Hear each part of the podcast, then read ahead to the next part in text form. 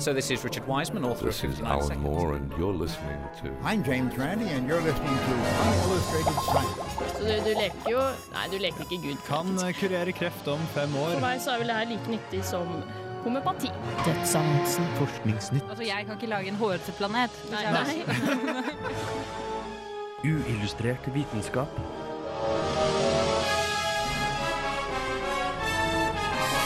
Science, it works, bitches. Vi i Uillustrert vitenskap ønsker deg velkommen tilbake fra påskeferien med en rykende fersk sending.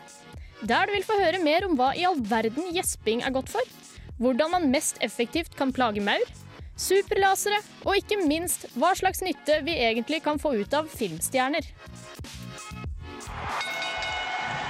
His opponent from St. Petersburg, Florida. Barry Horowitz to.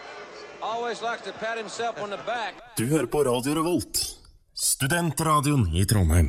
Det stemmer, og akkurat der hørte du Action Bronson med Barry Horwitz. Eh, og nå hører du på uillustrert vitenskap igjen, og det er en strålende torsdag, atter igjen. Og med meg i studio så har jeg Ole Eivind Sigrud Hallo, hallo.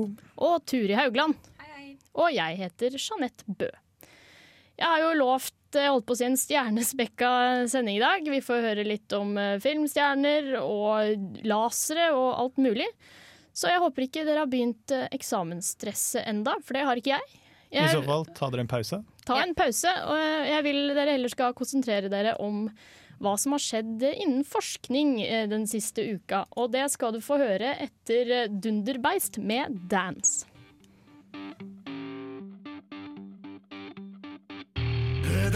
Så hæla maler gulvet rød.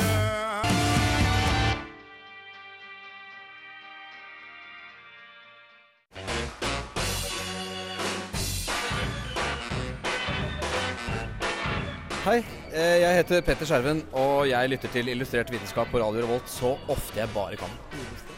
Uillustrert. Veldig bra. Hei, jeg heter Petter Skjerven, og jeg lytter til Uillustrert vitenskap på Radio Revolt så ofte jeg bare kan.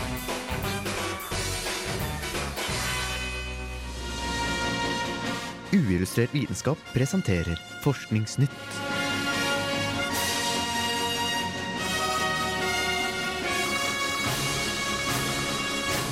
Forskningsnytt. Avføring i alle regnbuens farger kan snart bli en realitet. I årevis har folk sjekket innholdet i toalettskålen som en indikator for god eller dårlig helse. Men aldri før har dette vært mer fargerikt.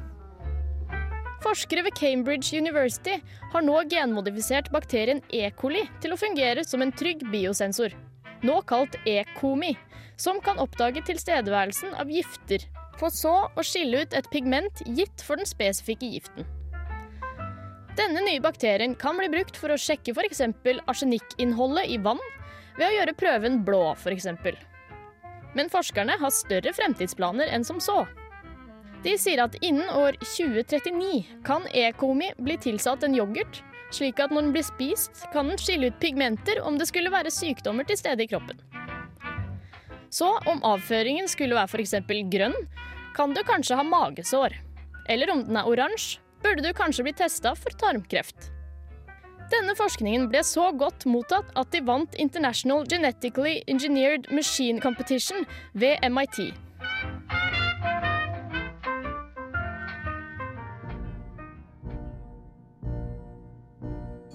Brannmaur, eller fire ants på engelsk, kan oppføre seg som så mangt. Det er ikke mange som har tatt seg bryet med å forske på disse skapningene, siden man som oftest er mest opptatt av å bli kvitt de eller løpe vekk fra de. Men nå har et par ingeniører ved Georgia Institute of Technology lagt merke til noen utrolige egenskaper ved maurene. Det viser seg at brannmaur i grupper kan gripe fatt i hverandre og forme intrikate og nøyaktige mønstre til et Gore-Tex-lignende stoff. Maurene kan også ta form som en tykk væske, nesten som honning, og gjennomtar denne formen selv etter å ha blitt utsatt for en eller annen forstyrrelse. Ingeniørene laget en ball av maur og kastet det i vannet for å teste hvor vannfaste de var. Maurene laget umiddelbart en flåte av seg selv og kunne holde seg i live på vannet i flere dager uten noen fare for å drukne.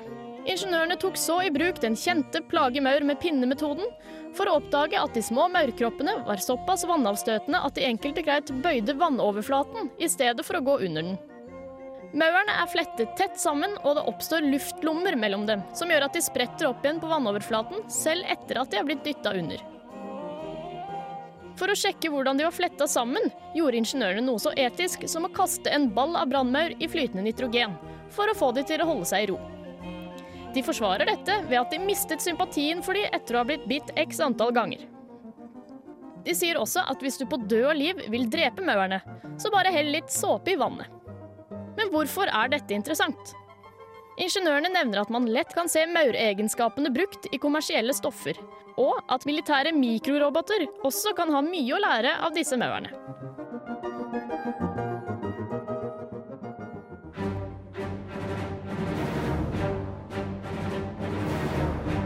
Verdens kraftigste laser har endelig fått klarsignal.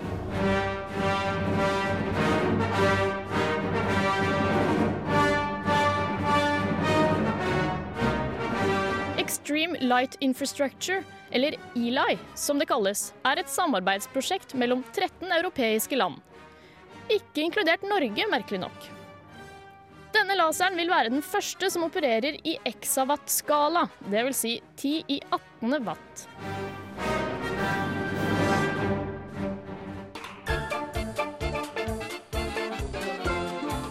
Dette er omtrent en million ganger kraftigere enn 10 milliarder 100 watts lyspærer om det skulle gjøre regningen enklere. Listen over bruksområder for denne nye laseren er lang. Den strekker seg over bl.a. kreftdiagnose og behandling, eliminering av atomavfall, utvidelse av teknologiindustrien og utvidelse av nanovitenskap og forskning på molekylær kjemi. Forberedelsen av prosjektet begynte allerede i 2005, men det var først 26. april i år, etter noen finansieringsproblemer, at prosjektet fikk grønt lys. Og nå planlegger de å bygge tre superlasere innen 2015. En fjerde laser er også planlagt, og denne skal være dobbelt så kraftig som de tre første. Noe som ifølge prosjektets hjemmeside vil tilsvare 100 000 ganger kraften til verdens kraftnett.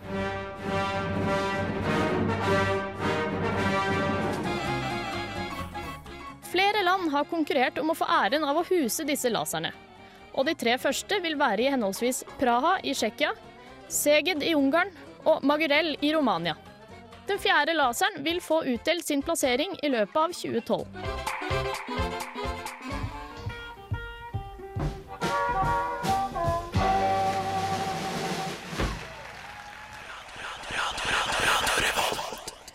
Ja, det var eh, Muddy Waters der med en låt jeg tror du kanskje skjønte het eh, Baby Please Don't Go. Eh, jeg, og før der hørte du eh, at jeg snakket litt om Forskningsnytt. Og jeg er redd jeg kanskje starta med avføring. Det var ikke meninga. Jeg tenkte meg ikke helt om at det, det skulle bli introen, men det ble det. Og det høres egentlig ut som litt sånn tullete forskning. Men den er egentlig ganske nyttig, når du kan få sånne farge, fargeadvarsler på hvilke sykdommer du, som du kanskje kan ha. Jeg syns, jeg syns jo det hele virket egentlig veldig fornuftig med biosensorer som uh, viser om du er frisk eller syk osv. med forskjellige farger, og hva som feiler deg med forskjellige farger. Uh, men siden ingen har lyst til å virkelig studere toalettskålen så nøye, så, så ville jeg kanskje etterspurt at de eh, La de biosensorene et litt mer fornuftig sted, eller i hvert fall litt mer hyggelig sted. Det er kanskje litt vanskeligere å få til, men jeg ville kanskje foretrukket at f.eks. en tommelneglen min byttet farge hvis jeg ble syk, eller et eller annet sånt noe. Ja, Men da må du også vise til verden eh, hvor syk du er. Så du har grønn negl, da har du kreft. Men det gjør jo doopplevelsen veldig mye hyggeligere, tenker jeg. Og så tenker jeg Hvis de først skal ha biosensorer i bæsjen din, kan ikke de gjøre at den også lukter bedre? Sånn at Lukter rødt? Ja, det lukter eh, Rødt er jo gjerne jeg vet ikke, jordbær eller noe. Det lukter bedre å gå på do. Ja, eh, Du hadde også noen maur som er kanskje litt hyggeligere å snakke om. Eh, De oppførte seg som en tykk væske, sa du? Ja, det var jo de her ingeniørene ved Georgia Institute of Technology som en dag hadde lyst til å plage maur. Og så da de først skal plage maur, hvorfor ikke dokumentere det hele? Eh, Jeg aner rett og slett ikke hvorfor de gjorde det. Men det fins noen sånne stilige videoer av eh, maur som helles ut av rør og ting, og det ser virkelig ut som væske. Altså, det ser ut som sånn tjukk honning som renner ut. De det er utrolig dyr. Ekle, men det er utrolig flott. Her er vel eh, også litt av ideen å eh, finne ut hvordan mauren gjør det, sånn at man kan replisere den effekten i forskjellige materialer osv. Ja, det var det de tenkte, da. At vi er jo glad i sånn herre Hva heter det på norsk? Biomimikk.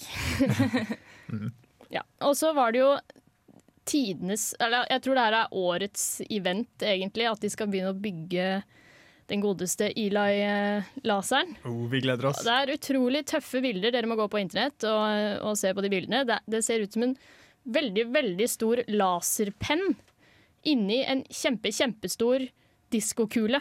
Det er veldig Nice. stilig, runde vegger med sånne fancy mønster. Det ser egentlig mer ut som et kunstverk enn noe som blir nyttig. Når er det de skal begynne å bruke de? Eller hvor lang tid tar det å bygge de? De skal begynne med bygginga nå. Eh, men de skal jo ha tre ferdig svære lasere innen 2015. Det er, når de planlegger sånn, så hender det går litt eh, dårlig med å bli ferdig innen tidsfristen, men eh, det er målet, da. 2015. Eh, og de de- de tre forskjellige laserne, eh, de skal fokusere på forskjellige forskningsområder. Og den i Romania, eksempel, der skal de eh, holde på med kjernefysikk. Altså laserbasert kjernefysikk, da.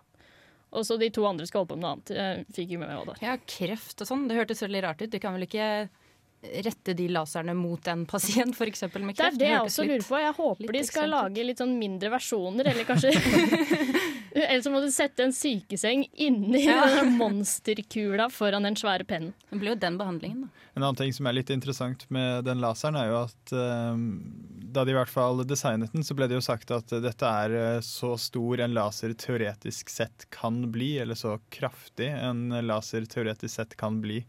Fordi eh, når lys blir tilstrekkelig intenst, eh, så kan det skapes masse. Og dette er da sånn rett før det begynner å skapes masse. Men så skal de lage en to ganger kraftigere igjen etter det igjen? Skulle de det? Ja, det tror De jeg skulle lage en, eh, en fjerde laser, Ja. som de ikke vet helt hvor de skal plassere enda. Den skal få plass i 2012. Uh. Eh, og eh, den skulle være dobbelt så kraftig som de de bygger nå. Så kanskje Da de, de de bygger nå hende- er kanskje halvparten så kraftig som de teoretisk Ja. sett kan bli. Ja. Der Da kan det. ja, ellers kan det jo hende at de fant ut at eh, den teoretiske maksimale grensen var litt høyere opp enn eh, før. Ja, Fremtiden eh, byr på ganske mye rart. Og da vil jeg egentlig gå tilbake til den avføringssaken min, for de har lagt fremtidsplaner for faktisk 2069. Og hør på det her. Da ser de for seg at Google Jeg vet ikke hvorfor de har valgt Google, men de har valgt Google. De skal slippe ut en slags fargekartleggingsbakterie, sånn at du kan se hvor det er mest forurensning. Sånn at de skyene med, som er røde, der er det litt for mye CO2. Oi, Så jeg liker, jeg liker, jeg gleder meg til fremtiden akkurat nå. det hørtes litt ekstremt ut, men Nå skal vi få høre høre ulver, som forteller oss litt om September 4th i romertall.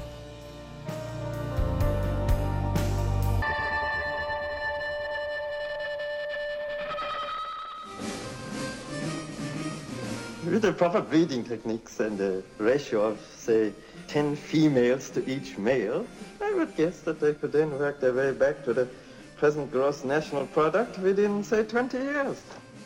Uillustrert vitenskap.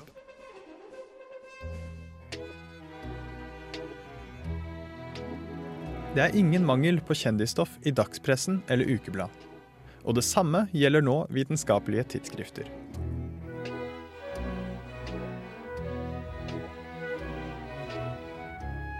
Det har lenge vært kjent at ektepar har en tendens til å fordeles etter utdanningsgrad.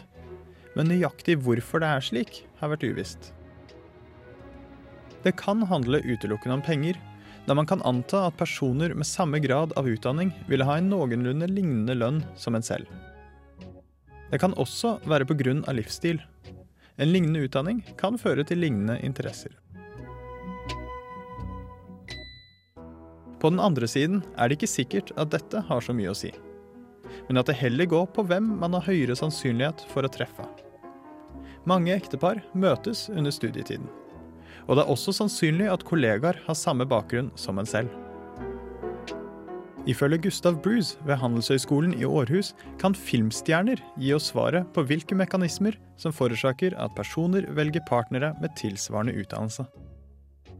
Bruce samlet en oversikt over filmstjerners giftermål, inntekt og utdannelsesnivå.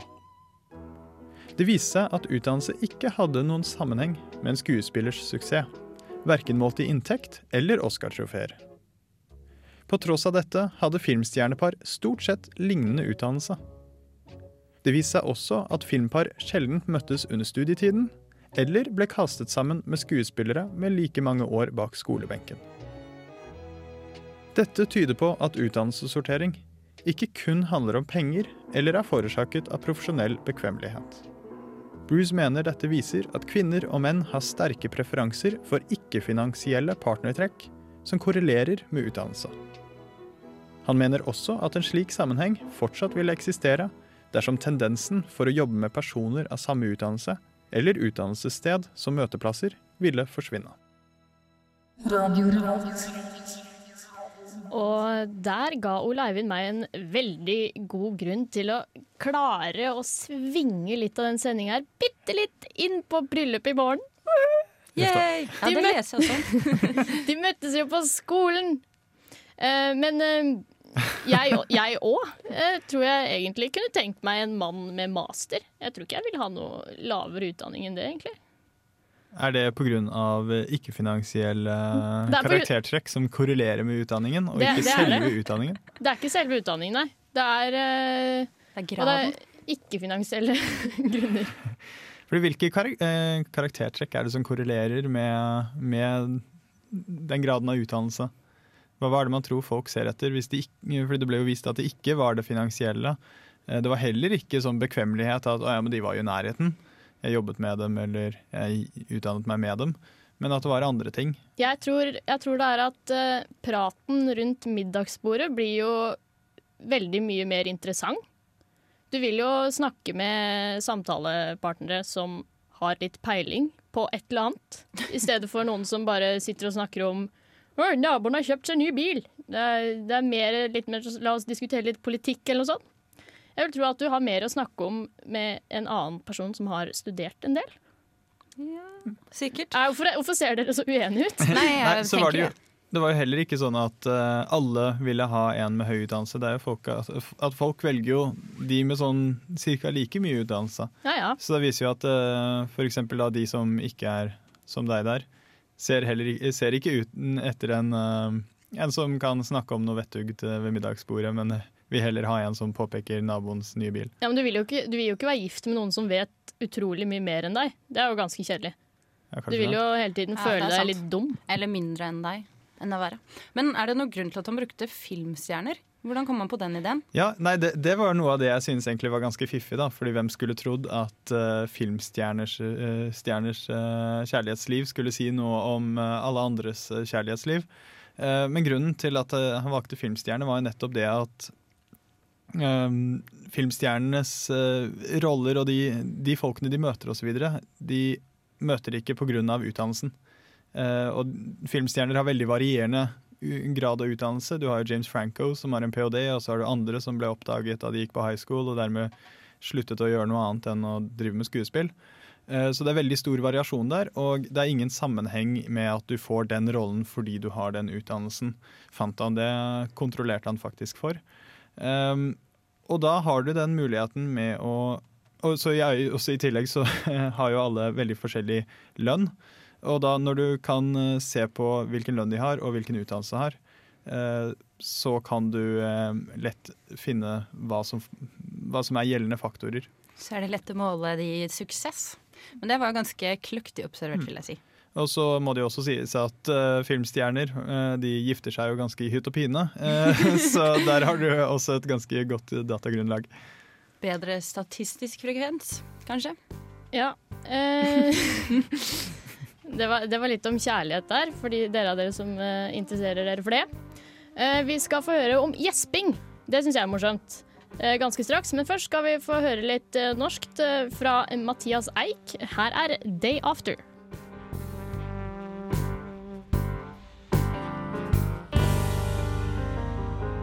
Radio Radio Revolt.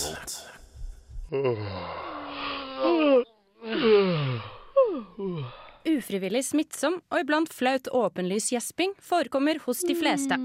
Til og med ufødte i sin mors mage. Og denne ufrivillige gesten er ikke begrenset mennesker. Til og med slanger, strutser, pinnsvin og fisk er tatt i å åpne munnen for å slippe ut et tilfredsstillende gjesp. Men til tross for å være så trivielt, er gjespet fortsatt et gapende mysterium.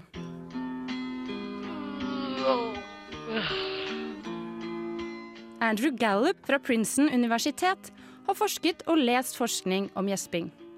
Han sier at det fins mange ideer, men ingen som alle forskere har kunnet oppsluttet seg om. Også ny forskning rundt temaet tilfører kun nytt materiale til den årelange debatten. Hvorfor gjesper vi? Her er noen av teoriene. Gallup og hans kolleger rapporterte i september i fjor at rotter opplever lavere temperaturer i hjernen etter et gjesp. Mange forskere ble derfor overbevist om at gjesping, en kompleks serie av bevegelser, påvirker kroppen på en eller annen måte. I andre tester gjespet rotter mer da temperaturen rundt dem steg, og hjernene deres ble varmet opp. En type papegøyer gjespet også mer da det ble varmt. Resultatene, mente forskere, indikerer at et gjesp kan virke avkjølende.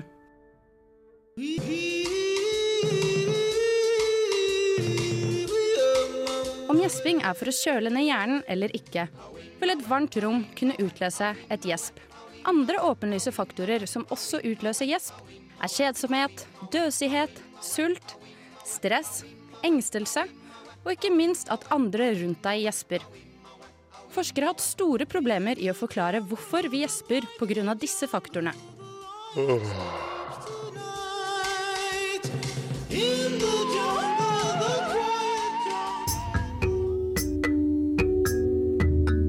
Noen forskere prøvde å bevise at gjesping gjør hjernen mer oppvakt. Likevel viste ingen eksperimenter med mennesker at gjesping økte hjernens elektriske aktivitet. Heller ikke økt hjertepuls eller svetting ble registrert. Med manglende bevis flyttet derfor mange forskere sin fokus over til smittsomheten gjesping fører med seg. De mente at gjesp som smitter må bære underliggende beskjeder med seg, og ikke nødvendigvis en god beskjed. Gjesp er tross alt sosialt uakseptabelt i de fleste kulturer. For å studere teorien videre fant forskere fra universitetet i Stirling ut hvem som kan smittes av gjesp og ikke. I menneskenes tilfelle ser det ut til at smittsomheten ikke setter i gang før alderen av fem. De gjesper kun av egen motor. Heller ikke folk med schizofreni og autisme er mottagelig for å smittes av gjesping, viser andre studier. Derfor mener forskerne at smittsom gjesping reflekterer empati og sosiale ferdigheter, noe babyer og autister ikke har utviklet. For å teste teorien ytterligere er egenskapen lett etter i andre dyr. I 2008 lagde forskere overskrifter der de foreslo at hunder kunne smittes av gjesp fra sine egne eiere. Det viste seg at det ikke var tilfellet. Et annet studie av sjimpanser derimot beviser at empati kan være linket til smittsom gjesping. Ved å se på videoer viste det seg at kjente sjimpanser induserer flere gjesp mellom seg enn fremmede gjespende sjimpanser. Forskerne konkluderte derfor at smittsom gjesping kunne virke som en målestokk på empati. Men ikke alle forskere står bak disse gjesp-kommunikasjonsteoriene. De mener at det ikke kan ligge noe underliggende kommunikasjon i gjesp, ettersom det skjer i så mange andre tilfeller der man er helt alene. Til tross for at gjesping i andre arter kan eller ikke kan forklare hvorfor folk gjesper, har dyregjesp allerede løst én stor gåte. Evolusjonen av livet selv. Charles Darwin skrev i sin notatbok i 1838 at å se en hest, hund eller mann gjespe fikk han til å føle i hvor stor grad alle dyr er bygget fra én struktur.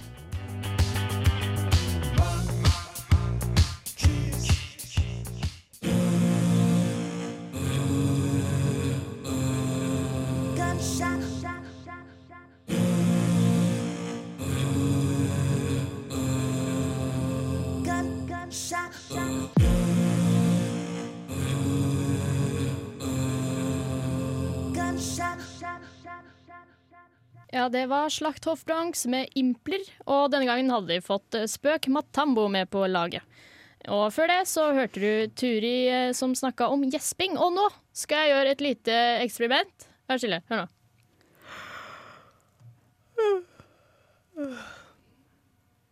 Send en mail til uv at eh, radiorevolt.no for å si om du gjespa eller ikke der etterpå. Eh, Så skal jeg få sjekke hvor mange av dere som er schizofrene eller autister. Det var flott. Når eh, gjesper du, Turi? Eh, jeg gjesper når jeg sitter i forelesning, og når jeg akkurat har våknet. Gjesper som i at jeg gråter. Og det er godt. Ja, det er veldig godt.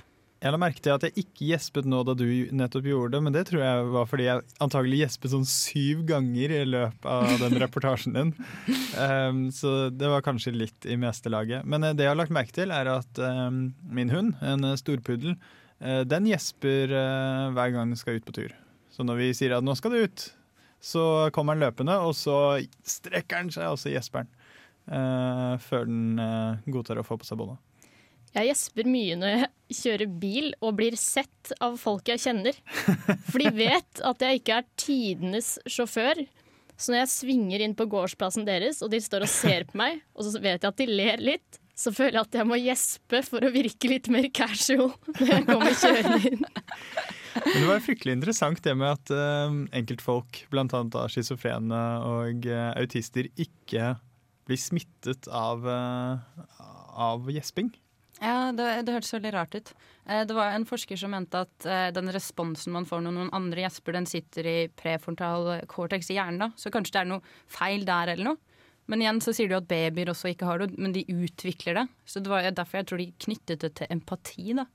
At du kan se det i forhold til Så nå gjespet ikke jeg. Når Jeanette gjespet, så kanskje jeg ikke har empati for henne. Betyr det at jeg ikke liker deg, eller? Det kan hende. Eller så kan jeg også si at jeg overdrev den gjespen litt. Den var ikke 100 naturlig, Ja, så det kan det. hende det, dere reagerte på det. Så det var godt observert. Men uh, over til noe annet. Uh, Uillustrert vitenskap er jo kjent for å ha sin del av uh, skepsis. Og som du kanskje har hørt, så har det ikke vært så veldig mye av det akkurat nå, men du slipper ikke unna. Det er, eh, det er, mer, eh, det er mer skepsis eh, ute og går, Ole Eivind, er det ikke det? Ja, fordi på mandag 2. mai så skal Ingen liker å bli lurt-kampanjen arrangere en debatt om alternativ medisin på Litteraturhuset i Oslo. Og det minnet meg jo på en debatt som var på kritisk masse i fjor. Om trenger vi mer forskning på alternativ medisin. Og Der lagde jo jeg en reportasje og tenkte vi kunne få et gjenhør med den. Det er jo ganske relevant, eh, og akkurat den skal vi få høre etter Ois Khalifa med 'Middle of You'.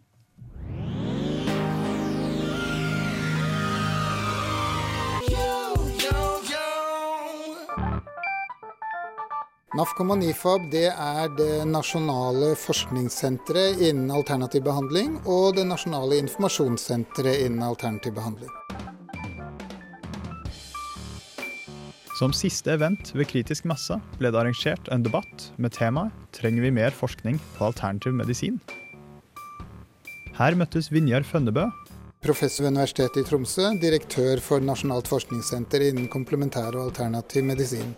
og en av NIFABs mest uttalte kritikere, Christian Gundersen. Professor i biologi ved Universitetet i Oslo. Så til å begynne med, hva er NAFKAM og NIFAB? Våre oppgaver er å gi det norske folk, og håper å si resten av verden også, eh, forskningsbasert eh, kunnskap om alternativ behandling, og forske selv på alternativ behandling, for å kunne da hjelpe til at folk kan få en kunnskapsbasert behandling, uansett om de velger da skolemedisin eller alternativ behandling. Kunnskapsbasert behandling og god informasjon er jo bra. Hva er egentlig problemet? De fremstår som myndighetsgodkjent, kvalitetssikret eh, informasjonsbringere. Og det har i hvert fall vært veldig store problemer med kvaliteten på den informasjonen de har kommet med. De har tatt noe av kritikken, og det er blitt bedre. Men eh, det står fremdeles eh, mye igjen. Så jeg er jo bekymret for at det jo virker som en slags eh, markedsføringsinstitusjon for alternativindustrien. De har nå fått med seg en del vitenskapelig materiale, og de har luket bort noen av de verste tingene. Og det, det, det er grunn til å rose dem for. Men eh, det som er av mer vitenskapelig stoff, er rene oversettelser fra vitenskapelige artikler, veldig vanskelig tilgjengelig for folk. Mens de jo har liksom redaksjonelt gladstoff om påståtte virkninger av alternativ eh, behandling. Jeg syns de skulle laget også kritisk redaksjonelt stoff. Om påstanden at Nifab virker som en markedsføringsinstitusjon for alternativbransjen, har Fønnebø dette å si. Jeg får bruke hans ord om en del annet, og det er vrøvl. Så hvorfor trenger man mer forskning på alternativ behandling? Fire grunner. Det er stor bruk av alternativ behandling i Norge. Vi vet omtrent ingenting om sikkerhet i alternativ behandling. Det må vi vite. Vi vet for lite om effekten av alternativ behandling. Og den forskningen som har vært gjort til nå innenfor alternativ behandling, eh, har til dels alvorlige mangler, både vitenskapelig, forskningsmessig og klinisk. Hadde det brukt, vært brukt vanlige vitenskapelige mål, så ville man sagt at nå har man holdt på så lenge med de aller fleste formene, og, og resultatene er såpass svake, i beste fall, eller, eller rent ut sagt helt negative, at hadde det, vært, hadde det ikke vært alternativ medisin, så ville man sluttet med det og forsket på noe som var mer fruktbart. Så Sånn sett så kan man vel si at det ikke trengs mer forskning på alternativ medisin. Christian Gundersen har også kritisert NAFKAM for deres såkalte mirakelregister. Hva er egentlig det? Eh, det er noe som ikke eksisterer. Eh, mirakelregisteret finnes ikke. Eh, men det er en betegnelse som noen kritikere bruker om noe som er et register over eksepsjonelle sykdomsforløp. Hvor vi på NAFKAM vi samler inn aktivt og prøver å få inn enkelthistorier fra mennesker som har brukt alternativ behandling, og som har opplevd en bedring som er mye større enn det de eh, ville få eller har fått innenfor skolemedisinsk behandling. Dette er viktig kunnskap som jo medisinen har vært tuftet på i alle år, nemlig at enkelthistorier, enkeltkasus, danner grunnlag for å danne eventuelle hypoteser om eh, virksomme behandlinger. Så det er ikke et mirakelregister, men det er et register over eksepsjonelle sykdomsforløp.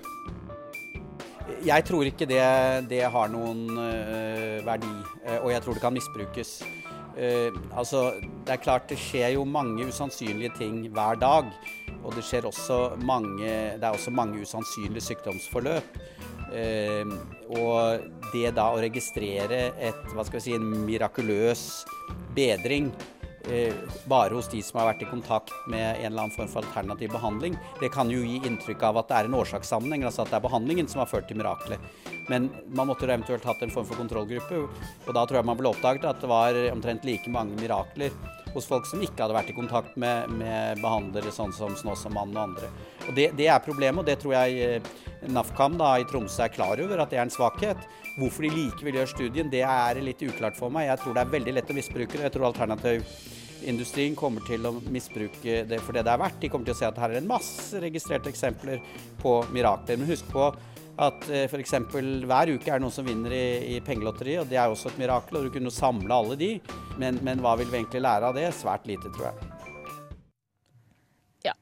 Svært lite, tror jeg. Jeg tror det òg. Men eh, ja, der hørte vi jo Leivind som eh, fortalte litt om forskning på alternativ medisin. Og før der så hørte du Wiz Khalifa, som hvis du vil høre mer av han, så kan det hende du kan sjekke ut Øyafestivalen, for dit skal han. Eh, du hører jo på Illustrert vitenskap, som jeg er redd for å si at det går mot slutten for i dag.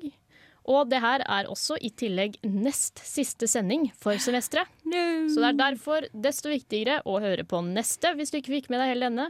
Og i tillegg, hvis du ikke fikk med deg hele denne sendinga, så må du selvfølgelig laste ned podkast. Som jeg igjen vil takke veldig masse for at dere har gjort.